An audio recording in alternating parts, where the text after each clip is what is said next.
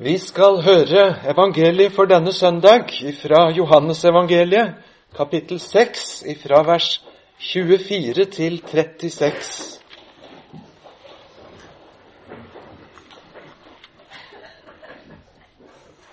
Men da folket så at Jesus ikke var der, og heller ikke disiplene hans, gikk de i båtene, og de kom til Kapernaum for å lete etter Jesus.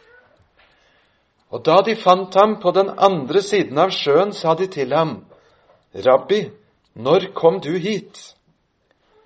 Jesus svarte dem og sa, Sannelig, sannelig, sier jeg dere, dere søker meg, ikke fordi dere så tegn, men fordi dere spiste av brødene og ble mette. Arbeid ikke for den mat som forgår, men for den mat som varer ved til evig liv den som menneskesønnen skal gi dere. For på ham har Faderen, Gud, satt sitt seil. De sa da til ham, Hva skal vi så gjøre for å gjøre Guds gjerninger? Jesus svarte og sa til dem, Dette er Guds gjerning, at dere skal tro på ham som han har sendt. De sa da til ham, Hva tegn gjør du så? Så vi kan se det og tro på deg. Hvilken gjerning gjør du? Våre fedre åt manna i ørkenen, slik det står skrevet, brød fra himmelen ga han dem å ete. Jesus sa til dem, Sannelig, sannelig, sier jeg dere, Moses ga ikke dere brød fra himmelen, men min far gir dere det sanne brød fra himmelen. For Guds brød er det som kommer ned fra himmelen og gir verden liv. De sa da til ham, Herre, gi oss alltid dette brødet. Jesus sa til dem, Jeg er livets brød. Den som kommer til meg, skal ikke hungre, og den som tror på meg, skal aldri noen gang tørste. Men jeg sa dere, at dere har sett meg, og likevel tror dere ikke. Amen.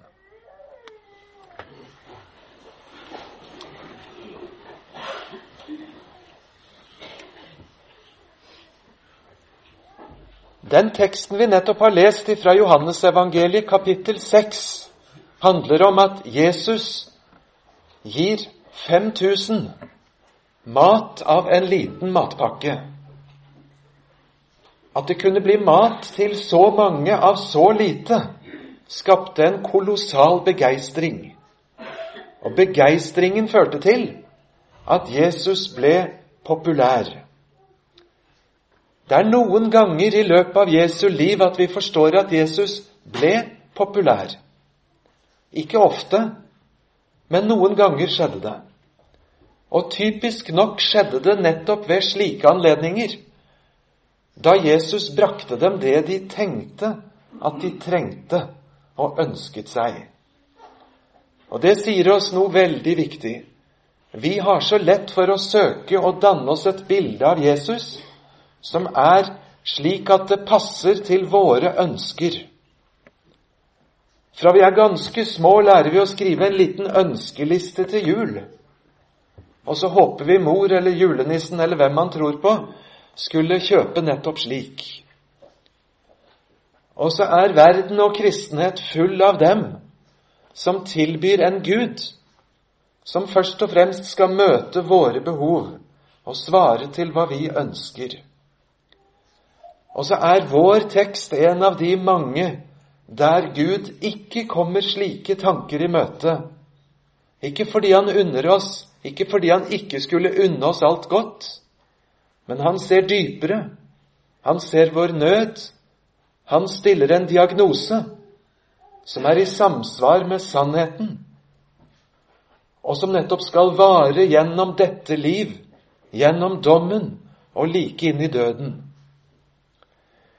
I dette tilfellet leser vi faktisk at Jesus sier han forstår at de vil komme og ta ham med makt for å føre ham bort, for å gjøre ham til konge.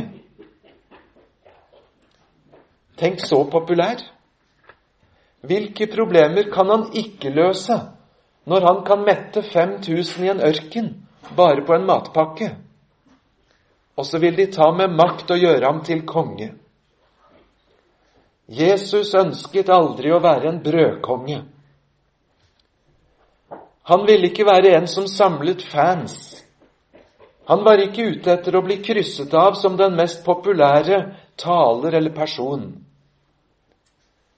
Hvordan er det det lyder ifra engelen til Josef den dagen da Josef får høre at Marie, hans trolovede, skal bli med barn? Da heter det du skal gi ham navnet Jesus, for han skal frelse sitt folk fra Hva var det han skulle frelse dem ifra? Jeg tror at hvis du hadde bedt historikere å definere hva som var Israels nød, så ville det stått for han skal frelse sitt folk fra romerne. Det var ingen liten oppgave. Det var veldig viktig. Guds eget folk i Guds eget land er okkupert, krenket, holdt nede av en hedensk stormakt. Spurte du jøder på gatene i Nasaret eller Jerusalem hva trenger vi Messias til, så jeg er rimelig sikker på at de ganske snart ville sagt for å hive romerne på sjøen, for å fri landet vårt. Men Gud definerte folkets nød dypere og annerledes og sier, du skal gi ham navnet Jesus, for han skal frelse sitt folk fra deres synder. Og så har han satt ord på hva vår egentlige nød er. Og så kommer Jesus for å bøte på det som er vår dypeste nød. Mennesker bestiller mat på en restaurant for å bli mette. De vil gjerne ha brød i ørkenen. De vil gjerne ha vann av en klippe der hvor det ikke er andre vannkilder. Men Jesus sier, 'Arbeid ikke for den mat som forgår'. Og så er kontrasten den maten som består. Ikke bare litt lenger med litt større holdbarhet, men den som bærer gjennom livet, gjennom døden, gjennom dommen og like inn i evigheten. Og så taler Jesus om tegn. Og det er også det folket taler om. Jesus sier at dere søker meg fordi dere så et slags tegn. Dere forsto ikke tegnet, men dere så et eller annet skilt som skapte en eller annen sensasjon. Ja, hva slags tegn er det du egentlig gir oss, da? Hvilken gjerning gjør du sånn at vi skulle tro på deg, spør folket. Og så fortsetter de å si at våre fedre, de spiste manna i ørkenen. Ja, det var ikke verst at de koblet ifra Jesu brødunder til forrige gang Herren gjorde et brødunder. Gjennom 40 år, da han ga to-tre millioner israelitter mat ifra himmelen hver morgen.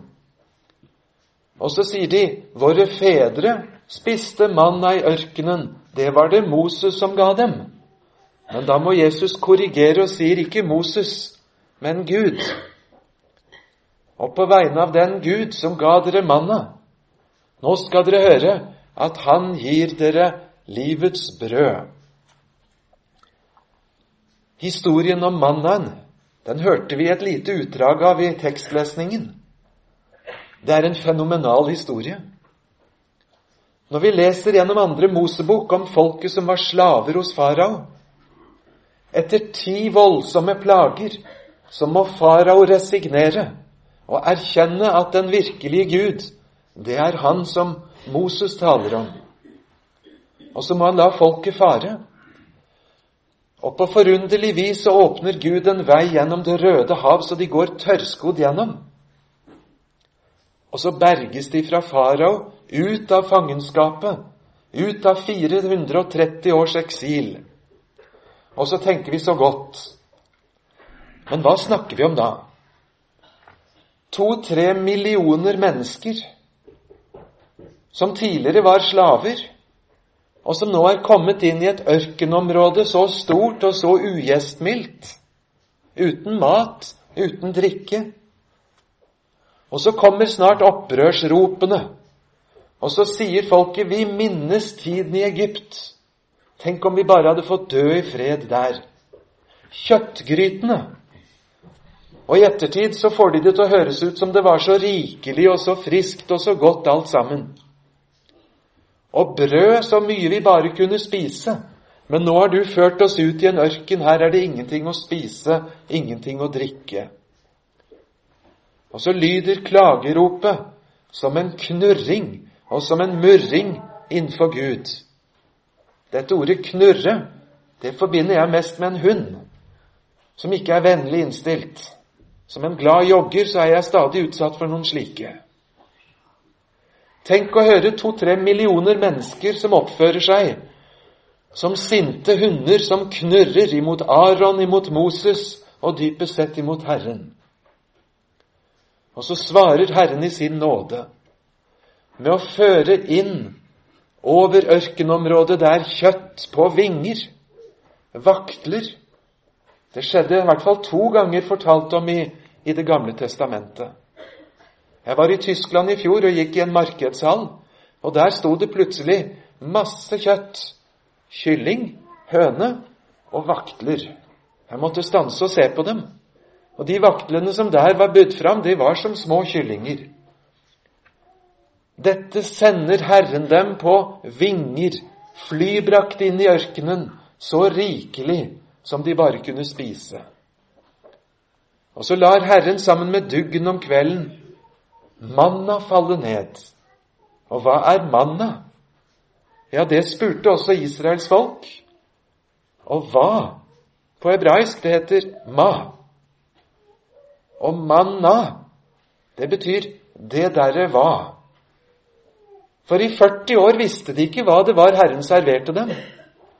Men hver kveld, seks dager i uken, så serverte han det derre hva for noe, som lignet korianderfrø eller bedellium, og som de kunne bake kaker av som smakte som honningkaker.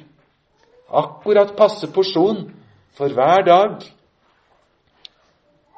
I 40 år, til de når fram til det bebodde området så hører det også med til historien at etter den store gledesfesten over å få maten servert slik, så står det at noen av den sammenløpende hop som fulgte israelsfolket i dragsuget ut, de begynte å knurre og si 'Vi er inderlig lei denne usle manna'. Og så spredde klagen seg, og snart så kunne Moses høre i hvert telt i Israel at folket gråt over denne ensformige kosten. Og det var ondt i Herrens øyne at hans eget folk ikke takket, ikke gledet seg over maten han serverte. Og så sendte han serafslanger inn. Og så var det mange som ble bitt.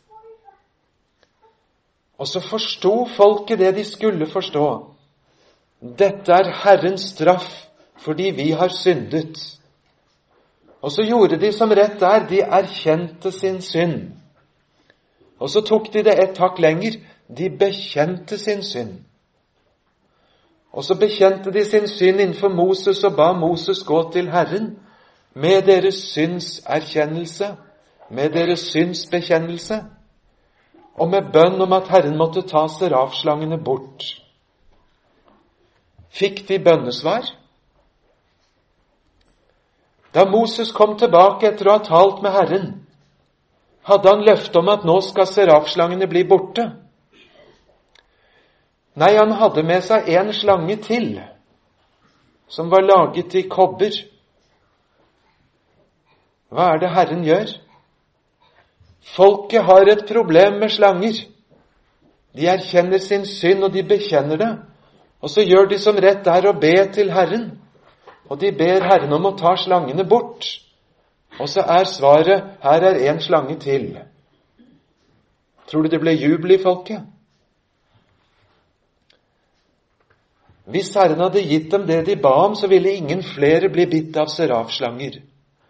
Herrens bønnesvar var bedre enn det de visste å be om. Nå fikk de en løsning som også hjalp dem som allerede var bitt av serafslanger, og for dem som etter denne tid måtte bli det. Og så sier Jesus at han selv er som denne kobberslangen som Moses reiste opp i ørkenen, og de som så den, kunne leve.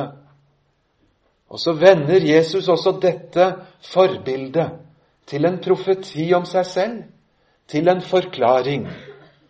Og underveis så kan du og jeg kanskje ha lært noe om at Herrens løsning er en annen enn den vi ber ham om. Vi har i våre bønner det travelt med å fortelle Herren alt Han skal gjøre, presis slik vi har tenkt det ut. Den rette bønn er å legge vår nød frem for Herren, og så vente på hvordan Herren vil løse den.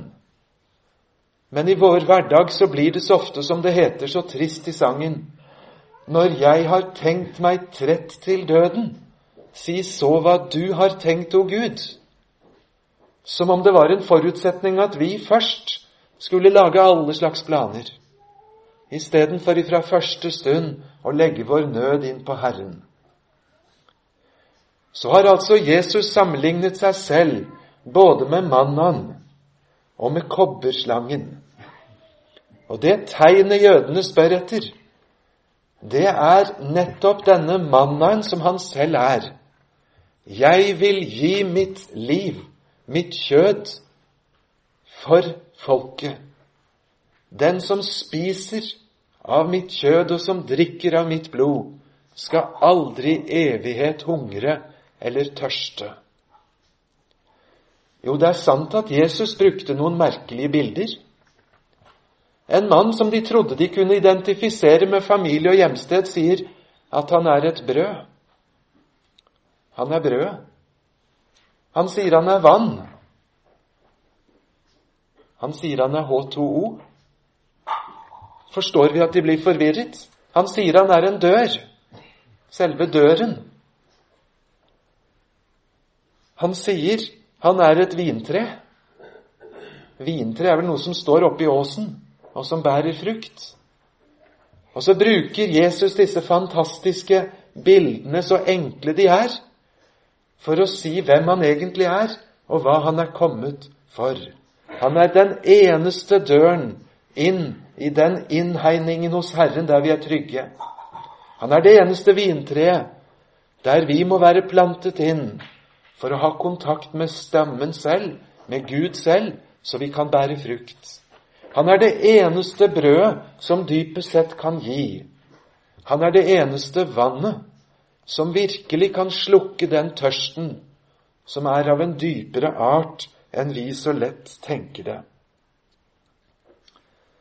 Ja, ja, ja, sier folket. Men hva er da de gjerninger vi skal gjøre for å gjøre Guds gjerninger? Og så svarer Jesus, dette er den gjerning. Og så skifter han og snur det fra flertall til entall. Jesus, kan du gi oss listen over alle de Guds gjerninger vi skal gjøre? Ja, det sier jeg, svarte Jesus. Det kommer på én linje. Dere skal tro på Ham som Gud har sendt. Du og jeg og menneskenaturen, med vår loviske natur, vi utber oss ifra Gud en liste over alt vi skal gjøre. Og så skal vi krysse av og fullføre og prestere og fortjene oss alt det Gud krever. Det ligger oss i naturen. Og når vi spør i flertall hvilke gjerninger, så svarer Jesus i entall med ordet tro. Det var en student hos oss på Fjellhaug som sa etter å ha gått nesten et helt år Jeg syns dette er så vanskelig, sa han. Jeg har noen ganger tenkt jeg skulle ønske jeg var en muslim som kunne rulle ut mitt bønneteppe og fem ganger om dagen kaste meg ned i bønn imot Mekka og så gjøre noen sånne andre ting og faste en måned. Og så visste nå har jeg gjort det, nå er det greit. Jeg tror noen av oss kan forstå tankene hans. Ikke fordi det skulle være noen sannhet i det. Men hvilke gjerninger skal vi gjøre, sånn at vi vet at dette er i boks? Den tro som er den sanne tro, den lar seg ikke manipulere og styre og kontrollere og produsere. Ingen produktutvikling fra vår side. En forkynner som sa det slik for mange år siden Den sanne tro har ikke noe håndtak. Den har ingen hank. Du kan ikke i anfektelsens stund gripe i ditt hjerte og få tak i troen og løfte den frem foran øynene og si 'jo, der var den, alt er vel', og så putte den tilbake igjen. Den sanne tro er ikke en slik redskap som vi lager oss.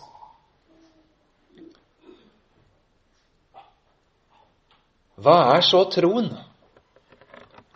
Det er ikke lenge mellom hver gang jeg kommer i debatt med mennesker av et baptistisk dåpssyn. Og da blir fort troen en viktig sak. Og Jeg tror ikke det slår feil annet enn at hver eneste gang så kommer spørsmålet imot meg Si meg, tror du det?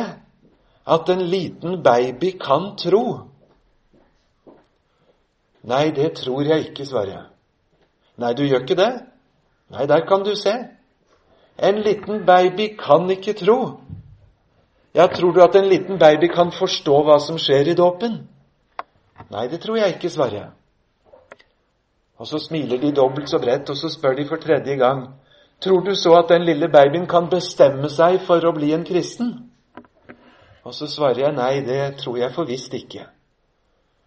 3-0, tenker mine baptistiske venner da.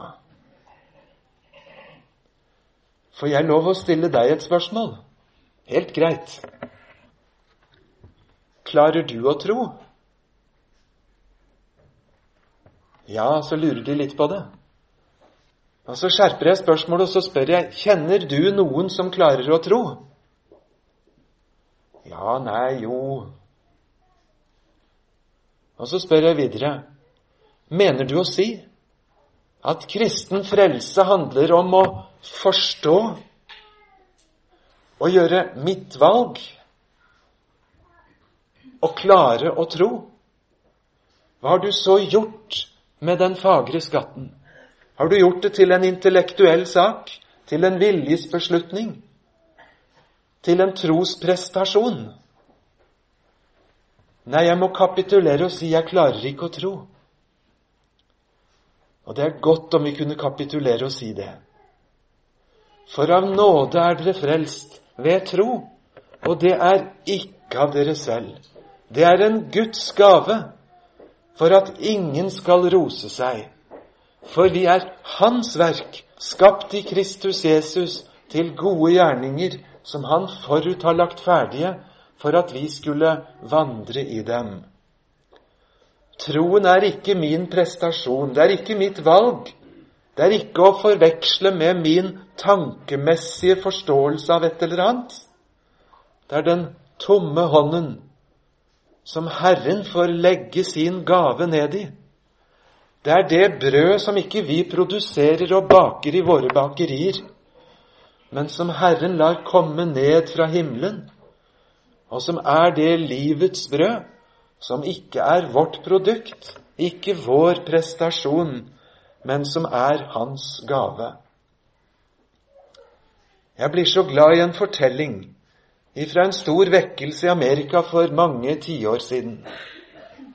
En fortvilet kvinne kommer til predikanten og sier, 'Jeg må få snakke med deg. Det er så vanskelig.' 'Ja, ja, kom inn. Sitt ned.' 'Hva er så vanskelig?' 'Jeg kan ikke tro.' Nei, hvem kan du ikke tro? Ja, det er det som er så vanskelig. Jeg får ikke til å tro. Ja, hvem kan du ikke tro? Ja, jeg får det ikke til å tro. Ja, jeg hører hva du sier, men kan du fortelle meg hvem er det du ikke kan tro? Nei, kjære deg, sier hun enda mer fortvilt. Jeg sier ikke at det er en eller annen jeg ikke får til å tro, men det er selve det å tro jeg ikke får til. Og så svarer predikanten enda en gang, 'Jeg hører hva du sier', og jeg spør, 'Kan du fortelle meg hvem er det du ikke kan tro?' Det var genialt svart, for så har han flyttet troen ifra å være noe i seg selv som jeg skulle klare å få til, over til å bli et spørsmål om tillit. Forholdet mitt til en person. Lurer han meg? Eller står han for det han sier? Kan jeg legge min tillit hos ham? Kan jeg stole på ham? Når du strever i din anfektelse med ikke å klare å tro, så skal du få minne deg selv på det. Hvem er det jeg strever med ikke å tro? Er det Han som er veien og sannheten og livet? Han som går til Faderen for å berede et rom for deg? Han som ga sitt liv som en løsepenge for dine synder? Han som er det livets brød? Han som er livets vann? Han som er verdens lys? Han som skal møte deg på den siste dagen og føre deg gjennom dommen? Er det ham du ikke kan ha tillit til? Hører du, det blir en helt annen sak. Ja, hvem skulle jeg stole på om ikke Han, som har vist sin kjærlighet og trofasthet imot meg hver en dag, og som var villig til å dø til frelse for meg, fordi han så inderlig ønsket å dele sin evighet med meg. Skal jeg få slutte min preken med en liten hendelse ifra vårt hjem? Gud har gitt oss fem barn som nå er blitt snart voksne. Det meste av tiden da de var små, bodde vi i et rekkehus rett ut mot en lekeplass. Og på lekeplassen så var det mange gjester stadig. Og de var også våre venner, som regel. Riktig ofte så hadde kona mi klar en stor kaffekjele og en saftdunk, og noe hadde bakt, og så gikk hun ut, og så fikk de smake litt, de som satt der, kanskje småkalde. Og ble det riktig kaldt, så ba hun det med hjem, med inn i stua. Og så er det særlig en av guttene våre som har mors store hjertelag i så rikelig mål. En dag vi var oppe i antasje og drev med et eller annet, og ikke tenkte så veldig over ting, så hørte vi litt sånn fottråkking nede i gangen og inn i stua vår, og noen stemmer vi ikke uten videre kjente igjen. Så viste det seg at det var vår lille gutt på fire-fem år som hadde kommet ut på døra og stått på trappa og sett noen som var der på lekeplassen, og det småregna litt og var litt kaldt. Og så ropte han til dem, har ikke dere lyst til å komme inn og få litt kaffe og litt kake hos oss? Og så tok de den lille gutten på ordet, og så sto de i stua vår. For vår lille gutt han var aldeles sikker på at mor syntes det var en strålende idé å be mennesker inn på kaffe og litt å spise. Jeg kjenner en annen sønn som reiste langt, og som plukket opp en toller, en synder, en dødsdømt forbryter og en Sakkeus og noen andre, og spurte vil ikke du bli med hjem til far. Han var helt sikker på at far i himmelen syntes det var en strålende tanke å fylle sin stue med en Bartimeus og en Sakkeus og en røver, en Mefiboset, en David, en deg og en meg. Ikke for en kopp kaffe og en kakebit, og så kan du gå igjen, men fordi han ønsket å dele en evighet sammen med disse. La ikke hjertene bli grepet av angst. Tro på Gud og tro på meg. I min fars hus er det mange rom. Var det ikke slik, så hadde jeg sagt dere det. Nå går jeg i forveien for å berede dere et rom. Og når jeg har gått bort og beredt dere et rom, så så skal vi være med Han. Slik taler Sønnen på vegne av Far. Slik lukker Han himmelriket opp for oss og inviterer syndere, sultne og tørste, som tar imot livets brød og livets vann. skal vi reise oss og ta imot Herrens velsignelse.